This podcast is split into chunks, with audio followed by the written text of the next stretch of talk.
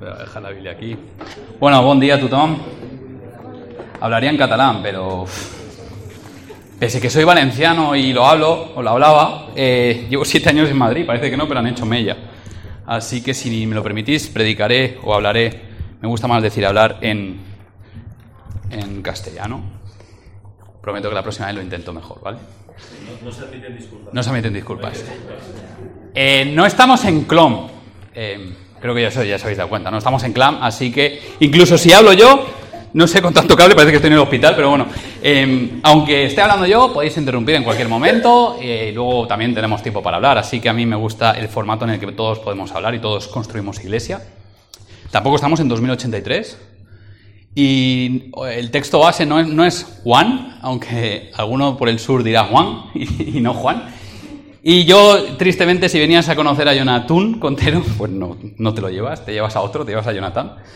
Así que simplemente me gustaría eh, empezar preguntándote si no, tienes, eh, si no tienes muchos años, igual no te ha pasado. Pero si tienes unos cuantos años como yo, o quizá alguno más, Tú no sé si te acuerdas de estas marcas que venían de cierto país del este, em, que emulaban marcas conocidas en España. Te voy a poner un ejemplo. ¿Tú te acuerdas de esa camiseta? Yo la recuerdo verde, em, que era el símbolo de Adidas parecido y que en vez de Adidas era Adidas con SH. Algunas incluso tenían, eh, el símbolo de Adidas tenía como unas hojas, ¿no? Simbolizaba otra cosa. No sé si recuerdas otro, que eran, era, yo lo recuerdo como un pijama, y era, es una marca que era Kelvin Klein. En vez de Calvin Klein, era Kelvin Klein.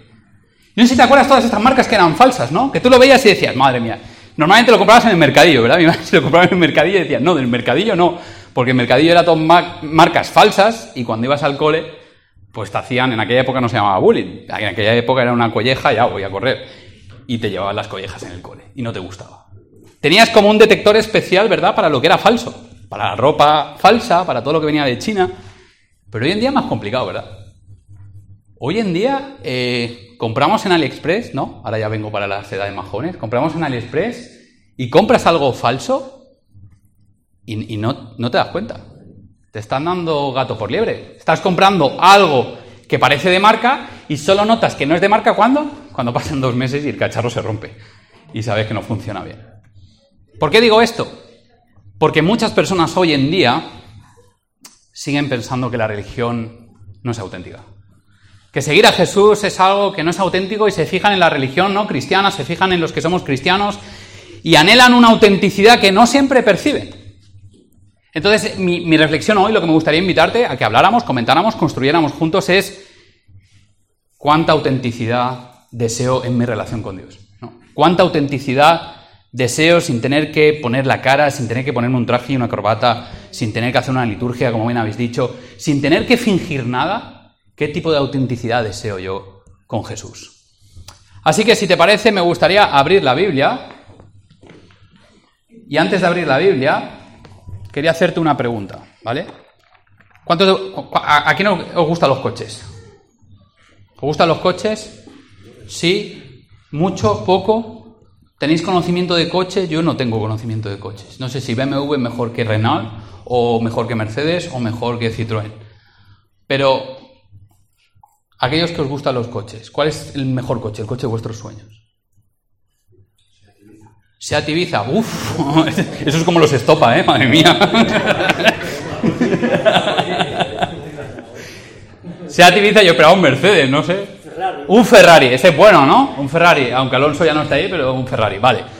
¿Cuántos de vosotros eh, os subiríais a un, a un Ferrari que tuviera una rueda que, es- que fuera de marca Clever? Claro, si no te gustan los coches, igual tampoco te gustan las marcas de ruedas. Pero yo creo que igual conocen marcas de ruedas, ¿no? Pirelli, Michelin. Son marcas buenas. ¿Tú te irías a una carrera a 300 por hora con unas ruedas que se llaman Clever? Mi jefe se llama Clever, ¿eh? Por esto no, esto no lo pasen muy por allá, pero... ¿A que no? Porque esa marca es dudosa, porque detectamos lo falso. Y hoy me gustaría eh, hacer énfasis en un texto que me encanta. ¿vale? Ahora sí, vamos a Juan, ah, perdón, a Lucas, capítulo 24. Y si queréis lo podéis leer uno de vosotros, porque si no, así yo no hablo tanto. Lucas, capítulo 24, y vamos a leer versículos del 35 al 42. Si alguien lo puede leer, sería espectacular. Entonces ellos contaban las cosas que les habían acontecido en el camino y cómo le había reconocido al partir del. Mientras ellos aún hablaban de estas cosas, Jesús se puso en medio de ellos y les dijo, paz a vosotros.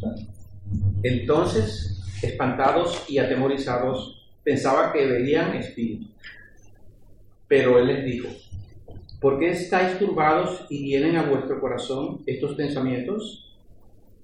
Mirad mis manos y mis pies, que yo mismo soy. Palpad y ved, porque un espíritu no tiene carne ni huesos, como veis que yo tengo. Y diciendo esto, le mostró las manos y los pies. Y todavía ellos, de gozo, no lo creían, y estaban maravillados. Les dijo, ¿tenéis aquí algo de comer? Entonces le dieron parte de un pez asado y un, pan, y un, panal de miel. Muy bien. Cada vez que leemos un texto de la Biblia, ¿no? Sobre todo, a mí me apasionan los textos que hablan especialmente de la vida de Jesús. Te surgen muchas preguntas, ¿verdad? Preguntas a veces de cosas que no entiendes cuando lees. Cosas que son culturales, cosas que Jesús dice que no entiendes y cosas que suceden que tampoco sabes qué es, ¿no? Y me gusta el texto de aquí porque lo que vamos a construir es vamos a ir construyendo poco a poco para entender por qué atacamos tanto a Tomás. Conocéis a Tomás, ¿no? Tomás es el discípulo, es el amigo de Jesús, los cristianos le llamamos discípulo, pero si no eres cristiano es el amigo de Jesús, el amigo de Jesús que es cercano a él, que siempre le hemos etiquetado a los cristianos, le hemos hecho un poco de bullying al pobre Tomás, de que es el incrédulo, la etiqueta del que no cree, la etiqueta del que duda. Pero vamos a ir construyendo poco a poco, porque para mí yo no quiero hablaros hoy tanto de Tomás, quiero hablaros de Jesús. Y me encanta este Jesús que cuando resucita y la gente está asustada, encerrada, con miedo, decepcionados, desilusionados porque Jesús ya no está, Jesús se aparece ante ellos y lo primero que le dice es paz. Esa palabra en, hebreo que es shalom.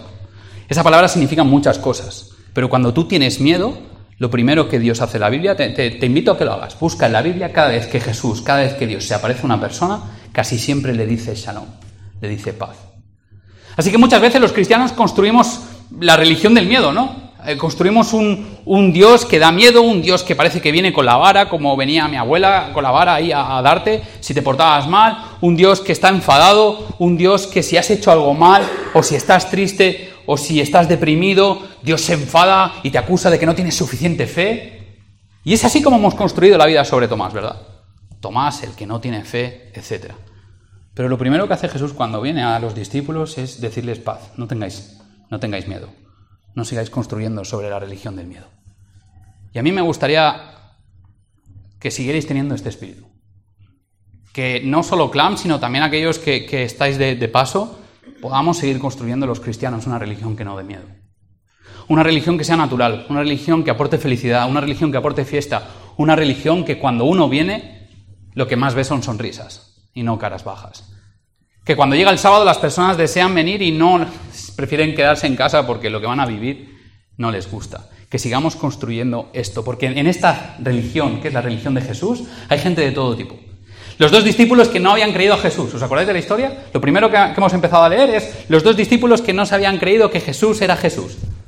Están Pedro, Juan. Juan había creído que Jesús había resucitado, pero Pedro no había cre creído. María Magdalena tampoco había creído. Todos dudaban. Y en esa mesa están todos sentados juntos. Los que dudan, los que creen y los que no se lo creen del todo. Y para Jesús todos son sus amigos.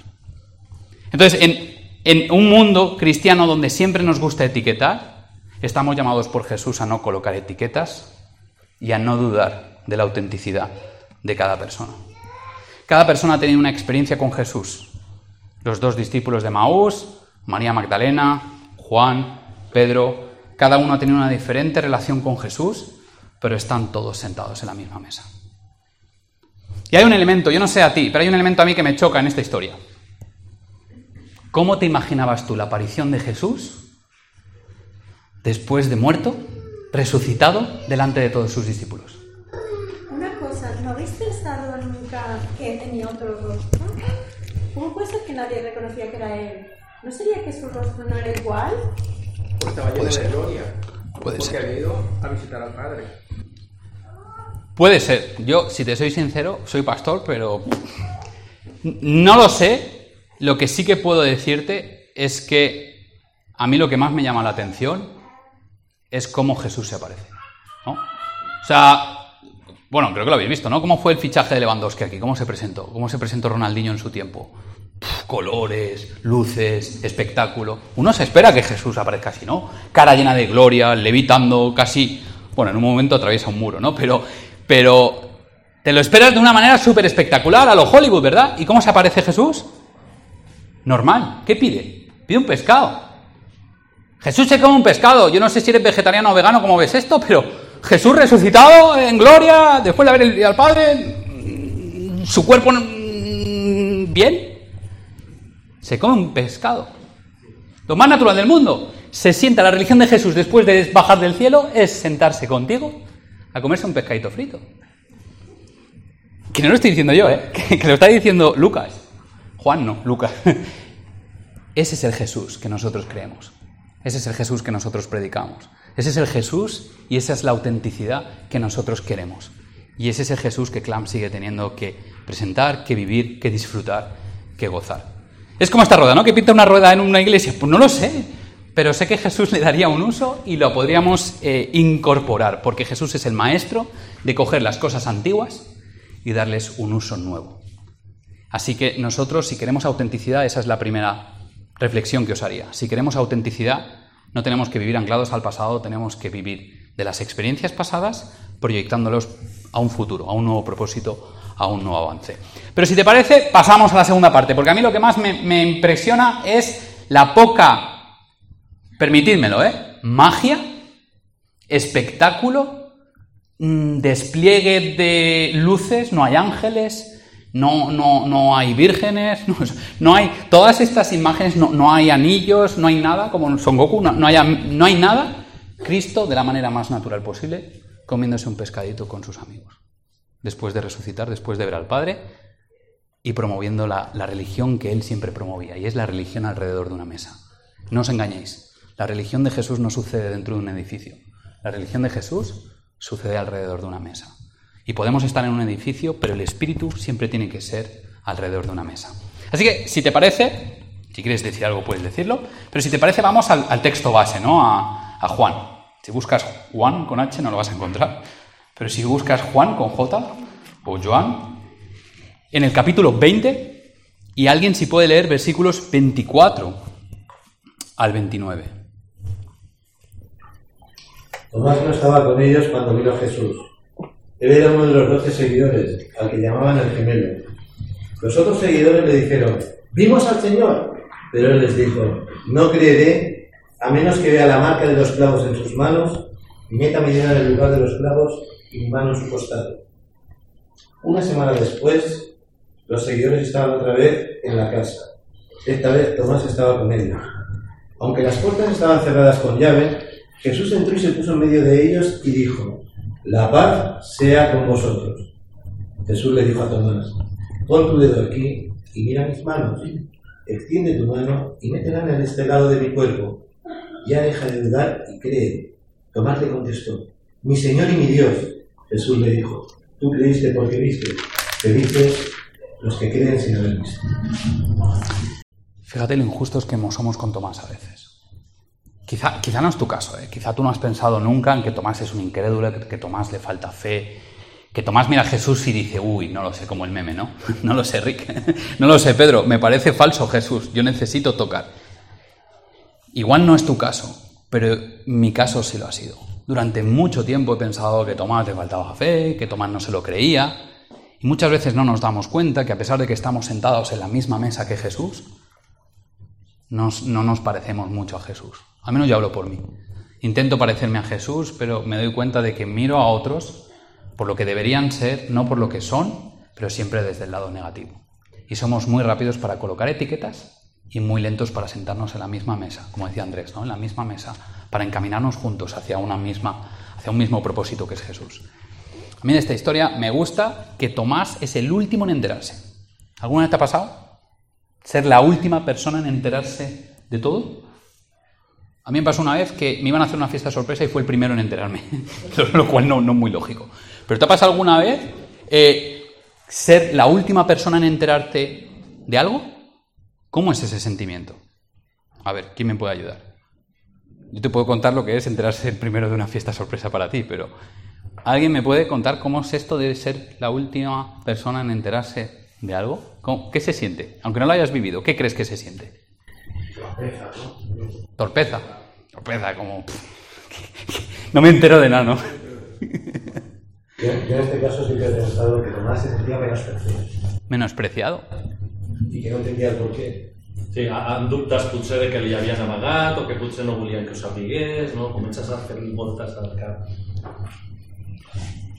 ¿Cómo? Dale, dale. Por una razón. ¿Cómo puede ser en una sociedad machista que elige a 12 y no elige a mujeres, Ujú. aunque están alrededor de ellos, aunque les subvencionan, parte de su ministerio, la resurrección, se enteren todos menos él, siendo hombre, siendo amigo y siendo el círculo más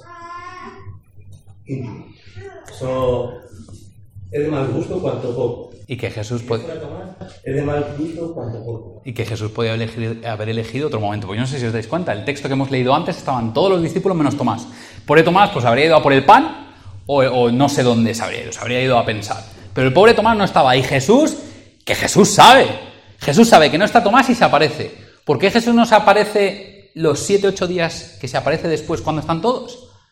Una de las preguntas que podríamos hacerle cuando lo veamos cara a cara. Pero es curioso porque, de nuevo, yo no quiero hablar hoy de Tomás, aunque estamos hablando de Tomás, pero yo quiero hablar de Jesús. Porque el sentimiento de Tomás tenía que ser muy fuerte. El sentimiento de Tomás tendría que ser, yo creo que hasta los demás se reían de él. Y esto me hace a mí una pregunta, ¿no? Me, me- me pone a mí una pregunta. ¿Cómo me comporto yo con las personas que no han tenido aún una experiencia personal con Jesús?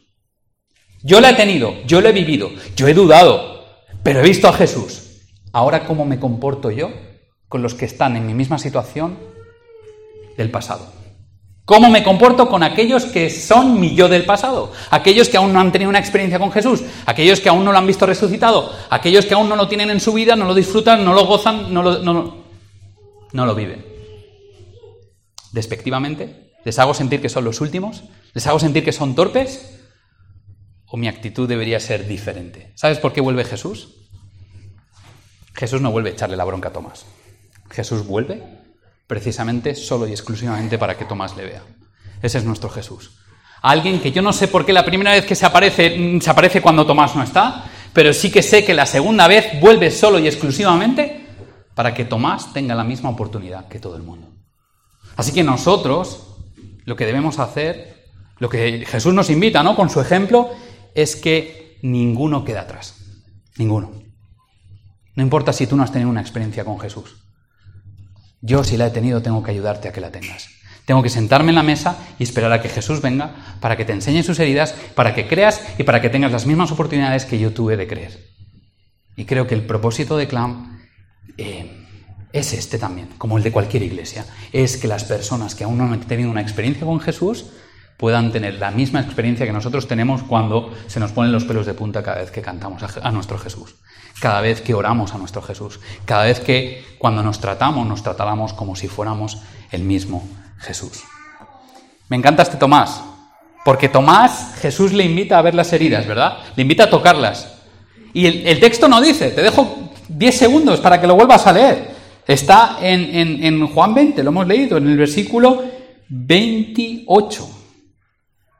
En el 27 dice, entonces le dijo Tomás, pon tu dedo aquí y mira mis manos, mete tu mano en la herida de mi costado, ya no seas incrédulo, cree. Y en el 28 que dice, mi Señor y mi Dios. La Biblia es muy lista, ¿eh? Los autores de la Biblia son muy listos y cuando guardan silencio lo guardan por algo y cuando cuentan algo lo cuentan. Y aquí no cuentan que Tomás metiera el dedo en la herida. Tomás no era más incrédulo que los demás. Tomás necesitaba la misma experiencia que los demás. Porque la Biblia no dice que Tomás metiera el dedo. Quizás si lo metió yo estoy metiendo la pata entonces ahora. Pero a mí la Biblia no me dice que Tomás metiera el dedo. Y si la Biblia no me dice que Tomás metiera el dedo y solo me dice que Tomás dijo mi Señor y mi Dios, Tomás no necesitó meter el dedo en las heridas de Jesús para darse cuenta de que quien tenía enfrente era su Señor y su Maestro. Creo que todos nosotros estamos llamados uno a encontrar a Jesús, nuestro Jesús, nuestro Maestro, nuestro Señor, y ayudar a que las personas que dudan se encuentren con su Maestro, con su Jesús, que es el mismo para todos.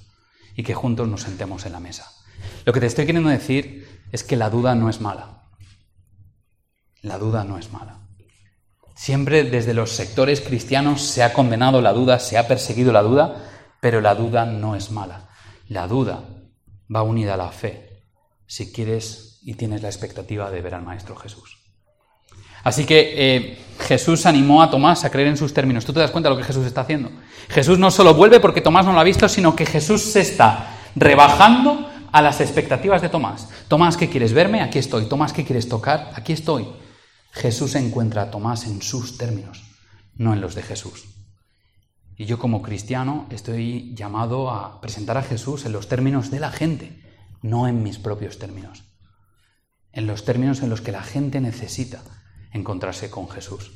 Así que como iglesia, básicamente, lo que te estoy diciendo como persona es que Jesús es demasiado grande como para quedártelo solo para ti.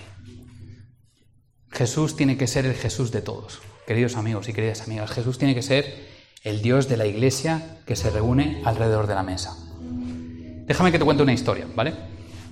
Porque tú estarás diciendo ahora, ¿cómo, cómo, cómo escucho la voz de Dios? ¿Cómo siento si hoy estoy dudando, ¿no? Si, nunca he tenido esa experiencia, o esa experiencia con Jesús la tuve hace mucho tiempo. Y quizá el trabajo, quizá el estrés, quizás porque tienes problemas graves o no tan graves, hace tiempo que no has tenido esa experiencia de encontrarte cara a cara con Jesús y, y te asalta la duda y es normal. ¿Qué hago? ¿Cómo escucho la voz de Dios? Creo que lo primero es aparentemente sencillo, ¿no? Jesús dice, las escrituras son las que hablan de mí. Tenemos que encontrar a Jesús en este libro. Tenemos que tener una cita a solas con ese Jesús.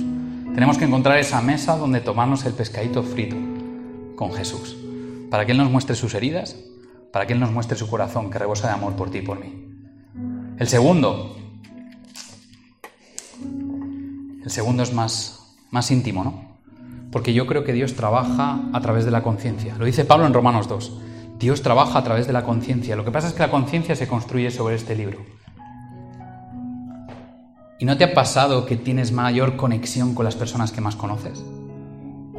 Yo te voy a contar una historia. Mi, mujer se llama Abby.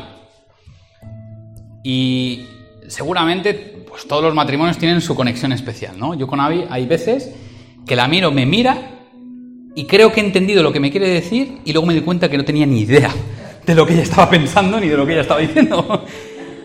Pero otras veces, unas poquitas veces, ella me mira, yo la miro y se produce esa conexión en la que sé exactamente lo que está pensando y ella sabe exactamente lo que yo estoy pensando. Una vez estábamos viajando desde Madrid a Zaragoza, que es de donde es ella. Zaragoza. Eh, y yo iba con mi suegro, de la Zaragoza profunda, de, los, de los maños, de los de verdad. Y en mi, y el otro coche iba mi suegra con mi mujer, con Abby, con los niños. Y ellos estaban volviendo de visitarnos y nosotros estábamos yendo para dejarles el coche. El caso es que mis suegros se habían cambiado de piso, se habían mudado de un piso al otro, con la suerte, la bendición de que estaban alquilados en un piso y encontraron un piso en alquiler al lado, o sea, de vecinos, el portal A, pues el B. Pero claro, eso suponía un cambio de plaza de garaje. Y la plaza de garaje es en un sitio en Zaragoza que parecen las catacumbas de, de, Roma, pues algo así, porque son pisos y pisos de, de, plazas de garaje, es un laberinto. El caso es que cuando estamos llegando, ahí abajo no hay cobertura. O sea, cementerio romano igual sí, pero cobertura no hay. Y cuando estamos llegando, antes de entrar, como yo había llegado un poco antes, me llama y me dice, oye, vamos al parking. Y se cortó. Y yo asumí que era el parking de siempre, porque no conocíamos el nuevo parking. Pero subestimé la presencia de mi querido suegro. y mi suegro, que además es maño, me dijo, no, pero ¿dónde vas, atontado? Atontado y alguna palabra más me dijo, que no es por ahí, que vamos al nuevo parking. Yo, pero si yo con Abby he quedado que vamos al antiguo parking, porque ella sabe que yo no sé ir y yo sé que ella sabe que yo no sé ir. Y bueno, una discusión con un maño es perder el tiempo, porque va a ganar él seguro. El caso es que después, os ahorro la historia, ¿no? Después de media hora ganó él, evidentemente, y aparecí en el, en el parking nuevo. Cinco minutos, diez minutos, quince minutos y Avi no llegaba. Y de repente me lo imaginaba y le, dijo, le dije, haz el favor de subir en ascensor, porque seguramente Avi esté arriba, que eran tres pisos más arriba. Y ahí os cuento también la historia muy, muy, muy, o sea, muy corta, porque fue muy gracioso, porque estuvimos subiendo y bajando toda la familia por ascensor durante otros 10 minutos. Subíamos unos mientras otros bajaban, nos dábamos cuenta de que no estábamos, veíamos el coche y otra vez subí. Un espectáculo. Todo para decir que yo supe dónde Abby quería llevarme. Y Abby sabía dónde yo quería ir si no hubiese sido por mi suegro. Esa complicidad es la que necesitamos con Jesús. Una complicidad, una complicidad que a veces no necesita palabras, que a veces solo necesita una mirada, que a veces solo con mirarle a la cara tú ya sabes lo que Jesús está pensando. Y esa complicidad es lo que necesitamos, porque todos dudaron. Déjame solo que te lea un último texto antes de orar y, y escuchar tu opinión también sobre, sobre esto que la Biblia nos propone. Mateo 28. Este, si no te importa, lo leo yo, porque te vas a dar cuenta de que hemos sido injustos con Tomás.